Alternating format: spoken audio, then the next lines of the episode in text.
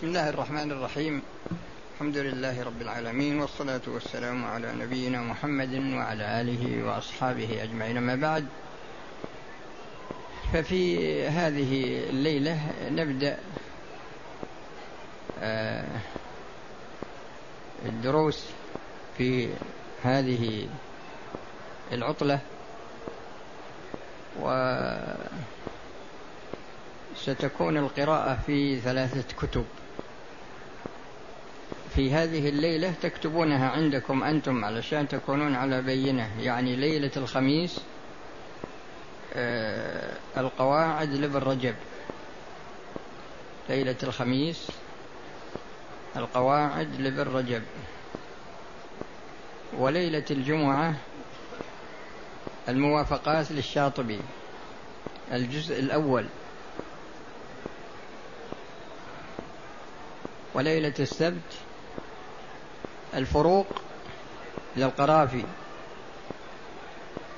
الجزء الأول. فكل ليلة سيكون فيها تدريس في هذا يعني في هذه الكتب. ففي هذه الليلة نبدأ الآن في قواعد ابن رجب. بسم الله الرحمن الرحيم. الحمد لله والصلاة والسلام على رسول الله وعلى آله وأصحابه أجمعين. وأحب أنبه على أن أن الدرس يعني مدة الدرس كله تقريبا ساعة. قسم منه تدريس وقسم منه أسئلة. والأسئلة سواء أراد الإنسان يسأل عن أسئلة علمية ولا أسئلة فقهية على حسب ما يقع في ذهنه. فلا فكونا من الكلام.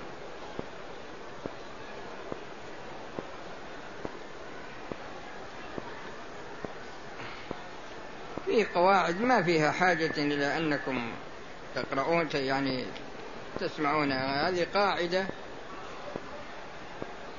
من وجبت عليه من وجبت عليه عبادة. فأتى بما لو اقتصر على ما دونه لأجزأه.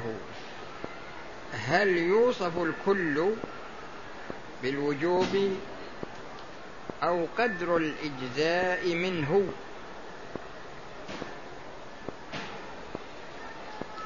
إن كانت الزيادة متميزة منفصلة فلا إشكال. في أنها نفل بانفرادها كإخراج صاعين منفردين في الفطرة ونحوه. وأما إن لم تكن متميزة ففيه وجهان مذكوران في أصول الفقه. المقصود من هذه القاعدة هو أن الشخص يؤدي عملا واجبا عليه لكن في حال أدائه لهذا الواجب يزيد عليه.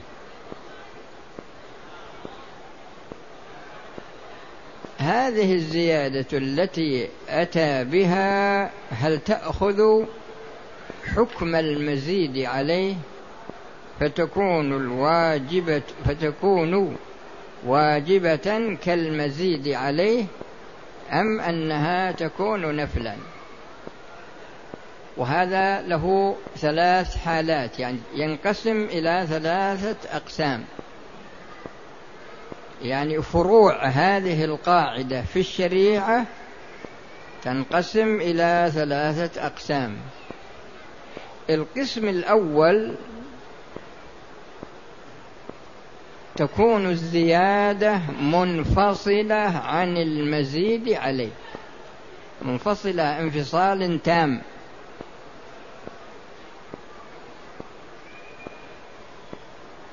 ومن أمثلة ذلك ما إذا نذر أن يذبح كبشا عمره سنتان. فذبح كبشين أو ثلاثة. فعندنا الكبش الأول هذا هو الواجب والكبش الثاني والثالث زيادة. هذه الزيادة منفصلة عن المزيد عليه. هذا النوع من الزيادة ليس فيه خلاف بين أهل العلم من جهة أن المزيد عليه واجب وأن الزيادة سنة. أن المزيد عليه واجب. وأن هذه الزيادة سنة. إن قلت سنة أو قلت نفل أو قلت تطوع على حسب التعبير. المهم أنها لا تكون واجبة. وقد يسأل سائل يقول أي فائدة من معرفة ذلك؟ الفائدة أنه لو حصل خلل في المزيد عليه. يعني لو حصل خلل في المزيد عليه وأراد أن يأتي ببدله فهل يأتي ببدل المزيد عليه والزيادة؟ أو يأتي ببدل المزيد عليه فقط؟ والجواب أنه يأتي ببدل المزيد عليه فقط دون أن يأتي بالزيادة. هذا هو القسم الأول. وهذا مثال ل يعني لنوع من فروع هذا القسم. القسم الثاني أن تكون الزيادة ممتزجة امتزاجا تاما. تكون الزيادة ممتزجة في المزيد عليه امتزاج تام. ومثال ذلك إنسان نذر أن يذبح كبشا عمره سنتين أو سنتان. فذبح كبشا عمره خمس سنوات. نفس الكبش لكنه لكن عمره خمس سنوات. ومن المعلوم أن ما كان عمره خمس سنوات يكون لحمه أكثر مما كان عمره سنتين. فهذه الزيادة هل تأخذ حكم المزيد عليه؟ تكون كلها واجبة بمعنى أنه يصرفها مصارف النذر. يصرفها مصارف النذر. أو لا. والجواب أن هذه الزيادة لها حكم المزيد عليه. ومعنى ذلك أنه يصرف هذا اللحم كله مصارف النذر. فإذا فرضنا أن الكبش الذي عمره سنتان يعني وزنه عشر كيلو وأن الكبش الذي عمره خمس سنوات وزنه عشرون كيلو فإنه آه فإنه ماذا يعمل؟ ها ها يتصدق بالعشرين ولا بالعشرة؟ بالعشرين مضبوط. هذا هو القسم الثاني وهذه هذا نوع من أنواع فروعه. يعني مثال القسم الثالث أن تكون الزيادة متصلة من وجه ومنفصلة من وجه. ومن أمثلة ذلك الزيادة في الركوع في الصلاة عن الركن. الإنسان في ركوعه في صلاته الواجب عليه أن يقول سبحان ربي الحمد لله. يجزيكم الله. أن يقول سبحان ربي العظيم مرة واحدة. هذا هو الواجب. وإذا زاد مرتين أو زاد إلى عشر فهذا إليه. لأن أدنى الكمال في حق الإمام ثلاث وأعلاه في حق الإمام عشر. أما إذا كان الإنسان يصلي لنفسه فهذا أمره راجع إليه. الغرض أنه إذا ركع ركوعا سبح فيه عشر مرات. هذه الزيادة في الركوع إذا دخل الإنسان ووجد الإمام راكعا وقد سبح خمس مرات مثلا أو سبح مرة واحدة. وبعد ذلك بدأ في التسبيح بعد الواحدة. فهل يكون الشخص مدركا للركوع لأنه نفل في في في حق من؟ في حق الإمام. هو نفل في حق الإمام. لكن هل يدركه المأموم في هذا الركوع؟ هو نفل في حق الإمام لكنه ركن في حق من؟ أه؟ في حق تماما في حق المأموم والجواب هو هذا ولهذا الرسول صلى الله عليه وسلم قال إذا وجدتمونا ركوعا فاركعوا وإذا وجدتمونا سجودا فاسجدوا ولا تعدوها شيئا فكلمة ولا تعدوها شيئا هذه راجعة للسجدة. راجعة للسجدة. أما الركوع فقد قال صلى الله عليه وسلم من أدرك الركوع فقد أدرك الركعة. المقصود أن هذه القاعدة تنقسم فروعها إلى هذه الأقسام الثلاثة. القسم الأول أن تكون الزيادة منفصلة تماما عن المزيد عليه فلها حكم النفل. والثاني أن تكون الزيادة ممتزجة في المزيد عليه فهذه لها حكم الواجب. والثالث أن تكون الزيادة متصلة في المزيد عليه من وجه ومنفصلة من وجه آخر فهذا فهذا هو في حق الإمام نفل ولكنه في حق المأموم يكون ماذا؟ يكون واجبا فالمأموم يدركه ويؤجر عليه على أنه أدرك الركن أما الإمام فإنه يؤجر عليه على أنه ماذا؟ على أنه نفل وترجعون أنتم عاد إلى الفروع التي ذكرها ابن رجب رحمه الله. القاعدة التي بعدها العبادات هي القاعدة الرابعة. العبادات كلها سواء كانت بدنية أو مالية أو مركبة منهما لا يجوز تقديمها على سبب وجوبها ويجوز تقديمها بعد سبب الوجوب وقبل الوجوب أو قبل شرط الوجوب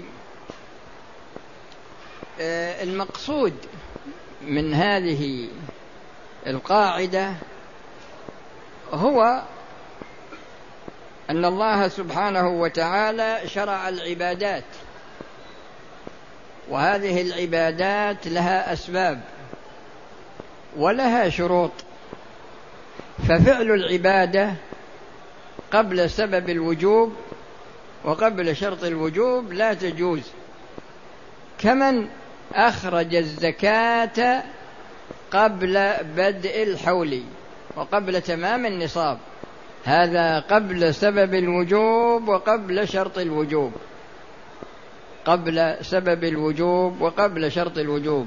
فإذا أخرج الزكاة قبل بدء الحول فإن هذا الإخراج لا يكون صحيحا أو أخرجها قبل بلوغ النصاب فهذا أيضا لا يكون صحيحا.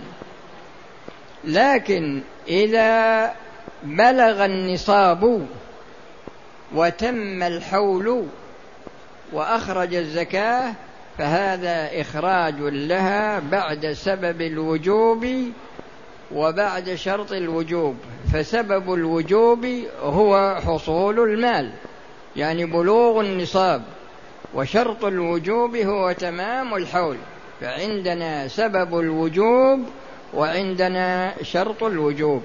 فإذا زكى بعد شرط الوجوب وبعد سبب الوجوب فإن الزكاة صحيحة وليست هذه القاعدة موضوعة لا لهذا القسم ولا للقسم الأول ولكنها موضوعة لفروع إذا حصل السبب ولكن لم يحصل الشرط.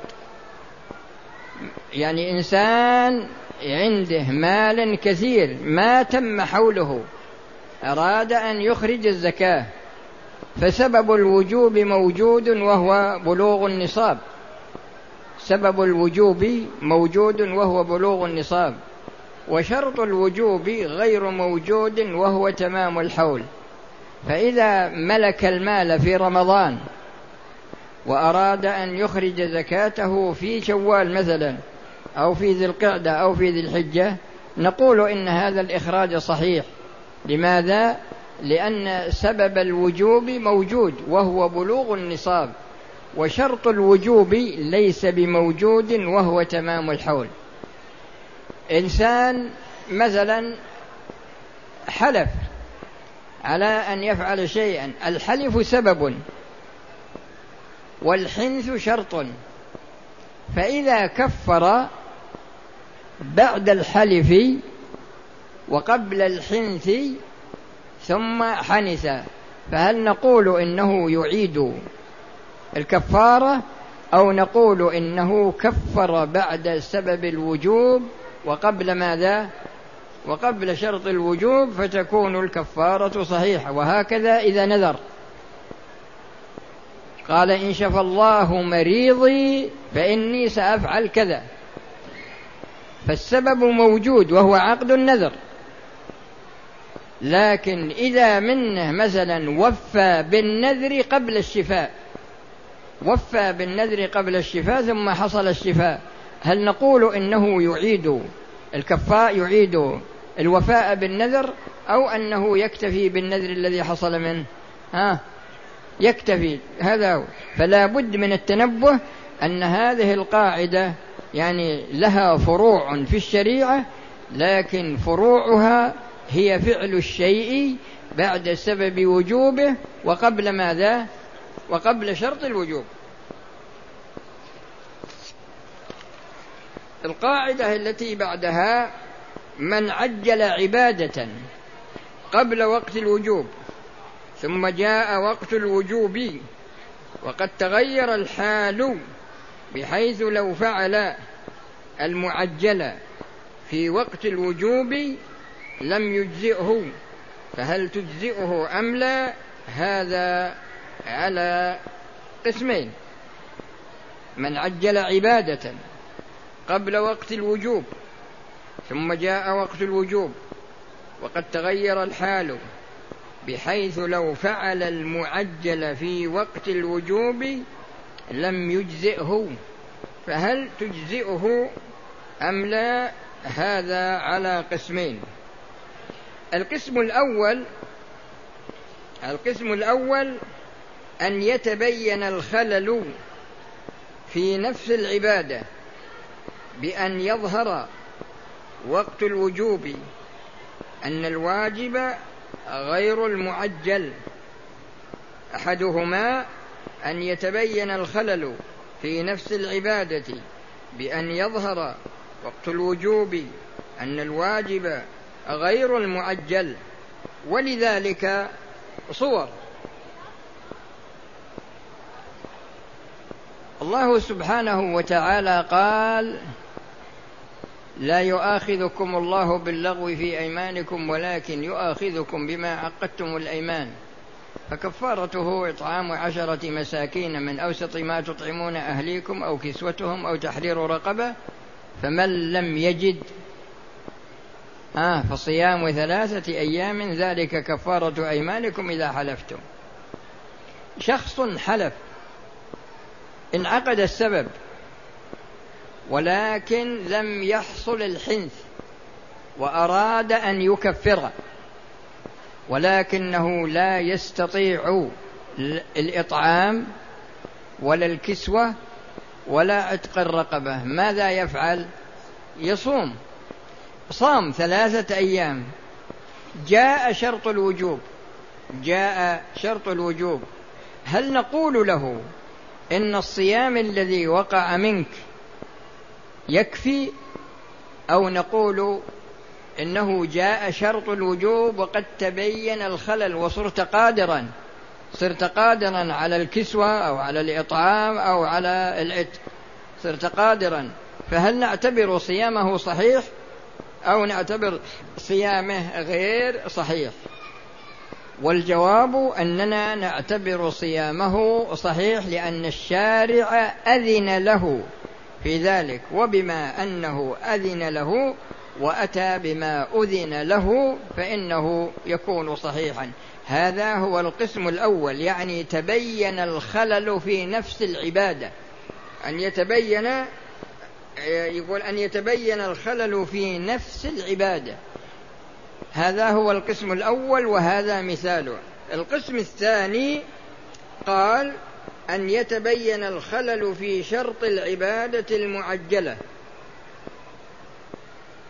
أنت مأذون لك أن تخرج الزكاة إذا تم الحول إذا إذا بلغ النصاب. مأذون لك أن تخرجها قبل تمام الحول. التمست بعض الأشخاص المستحقين فوجدت فقيرا فأعطيته. لما تم الحول صار هذا الفقير غنيا. لما تم الحول صار هذا الفقير غنيا. فهل العبرة بحاله وقت الإخراج؟ أو العبرة بحاله وقت وجود شرط الوجوب. أي الأمرين؟ ها؟ تمام. هو وقت الإخراج. وقت الإخراج. وعلى هذا الأساس تجري الفروع لهذه القاعدة. أو لهذا القسم من هذه القاعدة. القاعدة التي بعدها السادسة. إذا فعل عبادة في وقت في وقت في وقت وجوبها. يظن أنها الواجبة عليه ثم تبين بأخرى أن الواجب كان غيرها فإنه يجزئه. إذا فعل عبادة في وقت وجوبها يظن أنها الواجبة عليه ثم تبين بأخرة أن الواجب كان غيرها. المقصود من هذه القاعدة أن الشخص يكون عليه واجب لكنه لا يستطيع تأديته مثلا بنفسه مثل إنسان مقعد وغني هل هل يجوز له أن ينيب من يحج عنه أم لا؟ نعم يجوز أن ينيب من يحج عنه أناب من يحج عنه. بعد الانتهاء من الحج تبين أن هذا الرجل يعني سلم. عافاه الله وصار يمشي بدلا من كونه مقعدا. هل نقول إن الحج الذي وقع في حال كونه مقعدا يكفيه عن حجة الإسلام أو نقول إنه إنه لا بد أن يأتي بحجة الإسلام حينما كان صحيحا. أي الأمرين؟ لا الأول. الأول. لماذا؟ لأن الشارع أذن له. أذن له والغيب لا يعلمه إلا الله. قد قد يكون صحيح وقد يكون مريض. قد يستمر معه المرض. لكن الله سبحانه وتعالى عافاه فلما عافاه قلنا إن الحج الذي وقع الذي أناب غيره عنه يكون صحيحا. وعلى هذا المسار تجري الأمثلة. القاعدة التي بعدها من تلبس بعبادة ثم وجد قبل فراغها ما لو كان واجدا له قبل الشروع لكان هو الواجب دون ما تلبس به. هل يلزمه الانتقال إليه أم يمضي ويجزئه هذا على ضربين أحدهما أن يكون المتلبس به رخصة عامة شرعت تيسيرا. على المكلف وتسهيلا عليه مع إمكان إتيانه بالأصل على ضرب من المشقة والتكلف فهذا لا يجب عليه الانتقال منه بوجوب بوجود الأصل. بوجود الأصل. القاعدة من تلبس بعبادة ثم وجد قبل فراغها ما لو كان واجدا له قبل الشروع لكان هو الواجب دون ما تلبس به. هل يلزمه الانتقال إليه أم يمضي ويجزئه؟ هذا على ضربين. أحدهما أن يكون المتلبس به رخصة عامة. شرعت تيسيرا على المكلف وتسهيلا عليه مع إمكان الإتيان بالأصل على ضرب من المشقة والتكلف. فهذا لا يجب عليه الانتقال منه بوجود الأصل. آه، في في في الحج الله سبحانه وتعالى يقول فمن تمتع بالحج بالحج ها فما استيسر من الهدي فمن لم يجد ها فصيام ثلاثة أيام في الحج وسبعة إذا رجع. الشخص إذا كان حاج ولم يستطع شراء الهدي وبدأ بالصيام صام ثلاثة أيام في الحج. بعد مثلا صيامه اليوم الأول أو الثاني أو بعد الثالث وجد نقودا.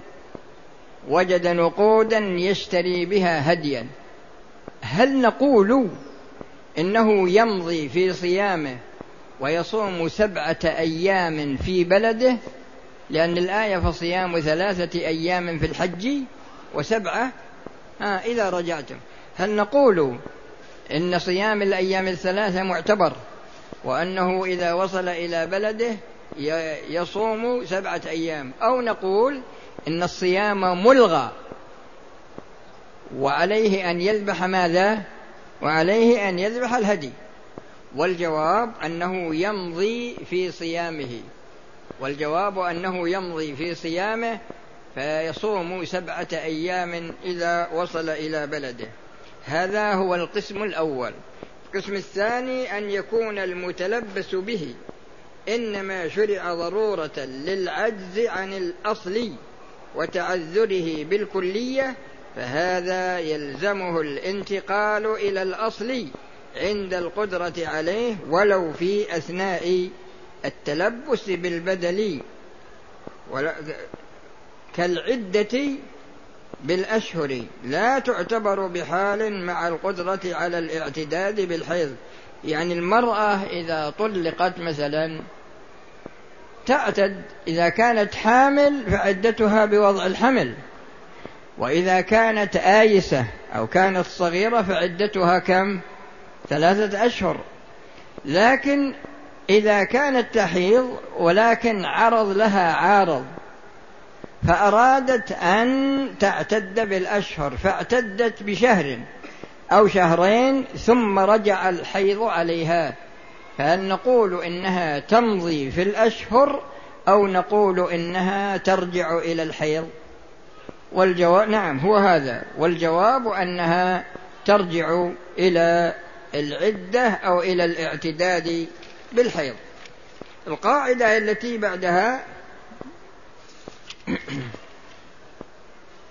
من قدر على بعض العبادة وهي القاعدة الثامنة من قدر على بعض العبادة وعجز عن باقيها هل يلزمه الإتيان بما قدر عليه منها أم لا؟ من قدر على بعض العبادة وعجز عن باقيها فهل يلزمه الإتيان بما قدر عليه منها أم لا؟ هذه القاعدة تنقسم إلى عدة أقسام. القسم الأول أن يكون المقدور عليه ليس مقصودا في العبادة بل هو وسيلة محضة إليها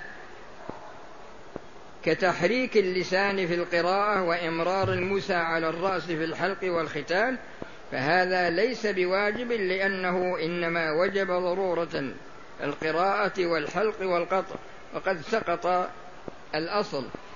هذه قاعدة في الوسائل في الشريعة عموما.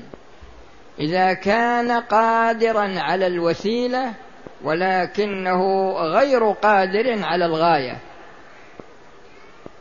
أو يعني قادر على الوسيلة. فهل نقول هنا إن الوسيلة تكون ملغاة لأنها لا عبرة بها لأن من قواعد الشريعة أن الوسائل لها حكم الغايات. الوسائل لها حكم الغايات. فوسيلة المحرم محرمة ووسيلة الواجب واجبة ووسيلة المندوب مندوبة ووسيلة المكروه مكروه ووسيلة المندوب المباح مباحة. فالوسائل لها حكم الغايات. فهنا قدر على الوسيلة لكن الغاية ما ما لها محل. فحينئذ نقول إن هذه الوسيلة لا تجب عليك. القسم الثاني ما وجب ما وجب تبعا لغيره وهو نوعان. أحدهما ما كان وجوبه احتياطا للعبادة ليتحقق غسو غسو ليتحقق حصولها. كغسل المرفقين فيه قاعدتان لأن هذا من جنسها. في قاعدتان في الشريعة أحب أنكم تتنبهون لهما. أما القاعدة الأولى فهي ما لا يتم الواجب. ما لا يتم الواجب إلا به. فهو واجب.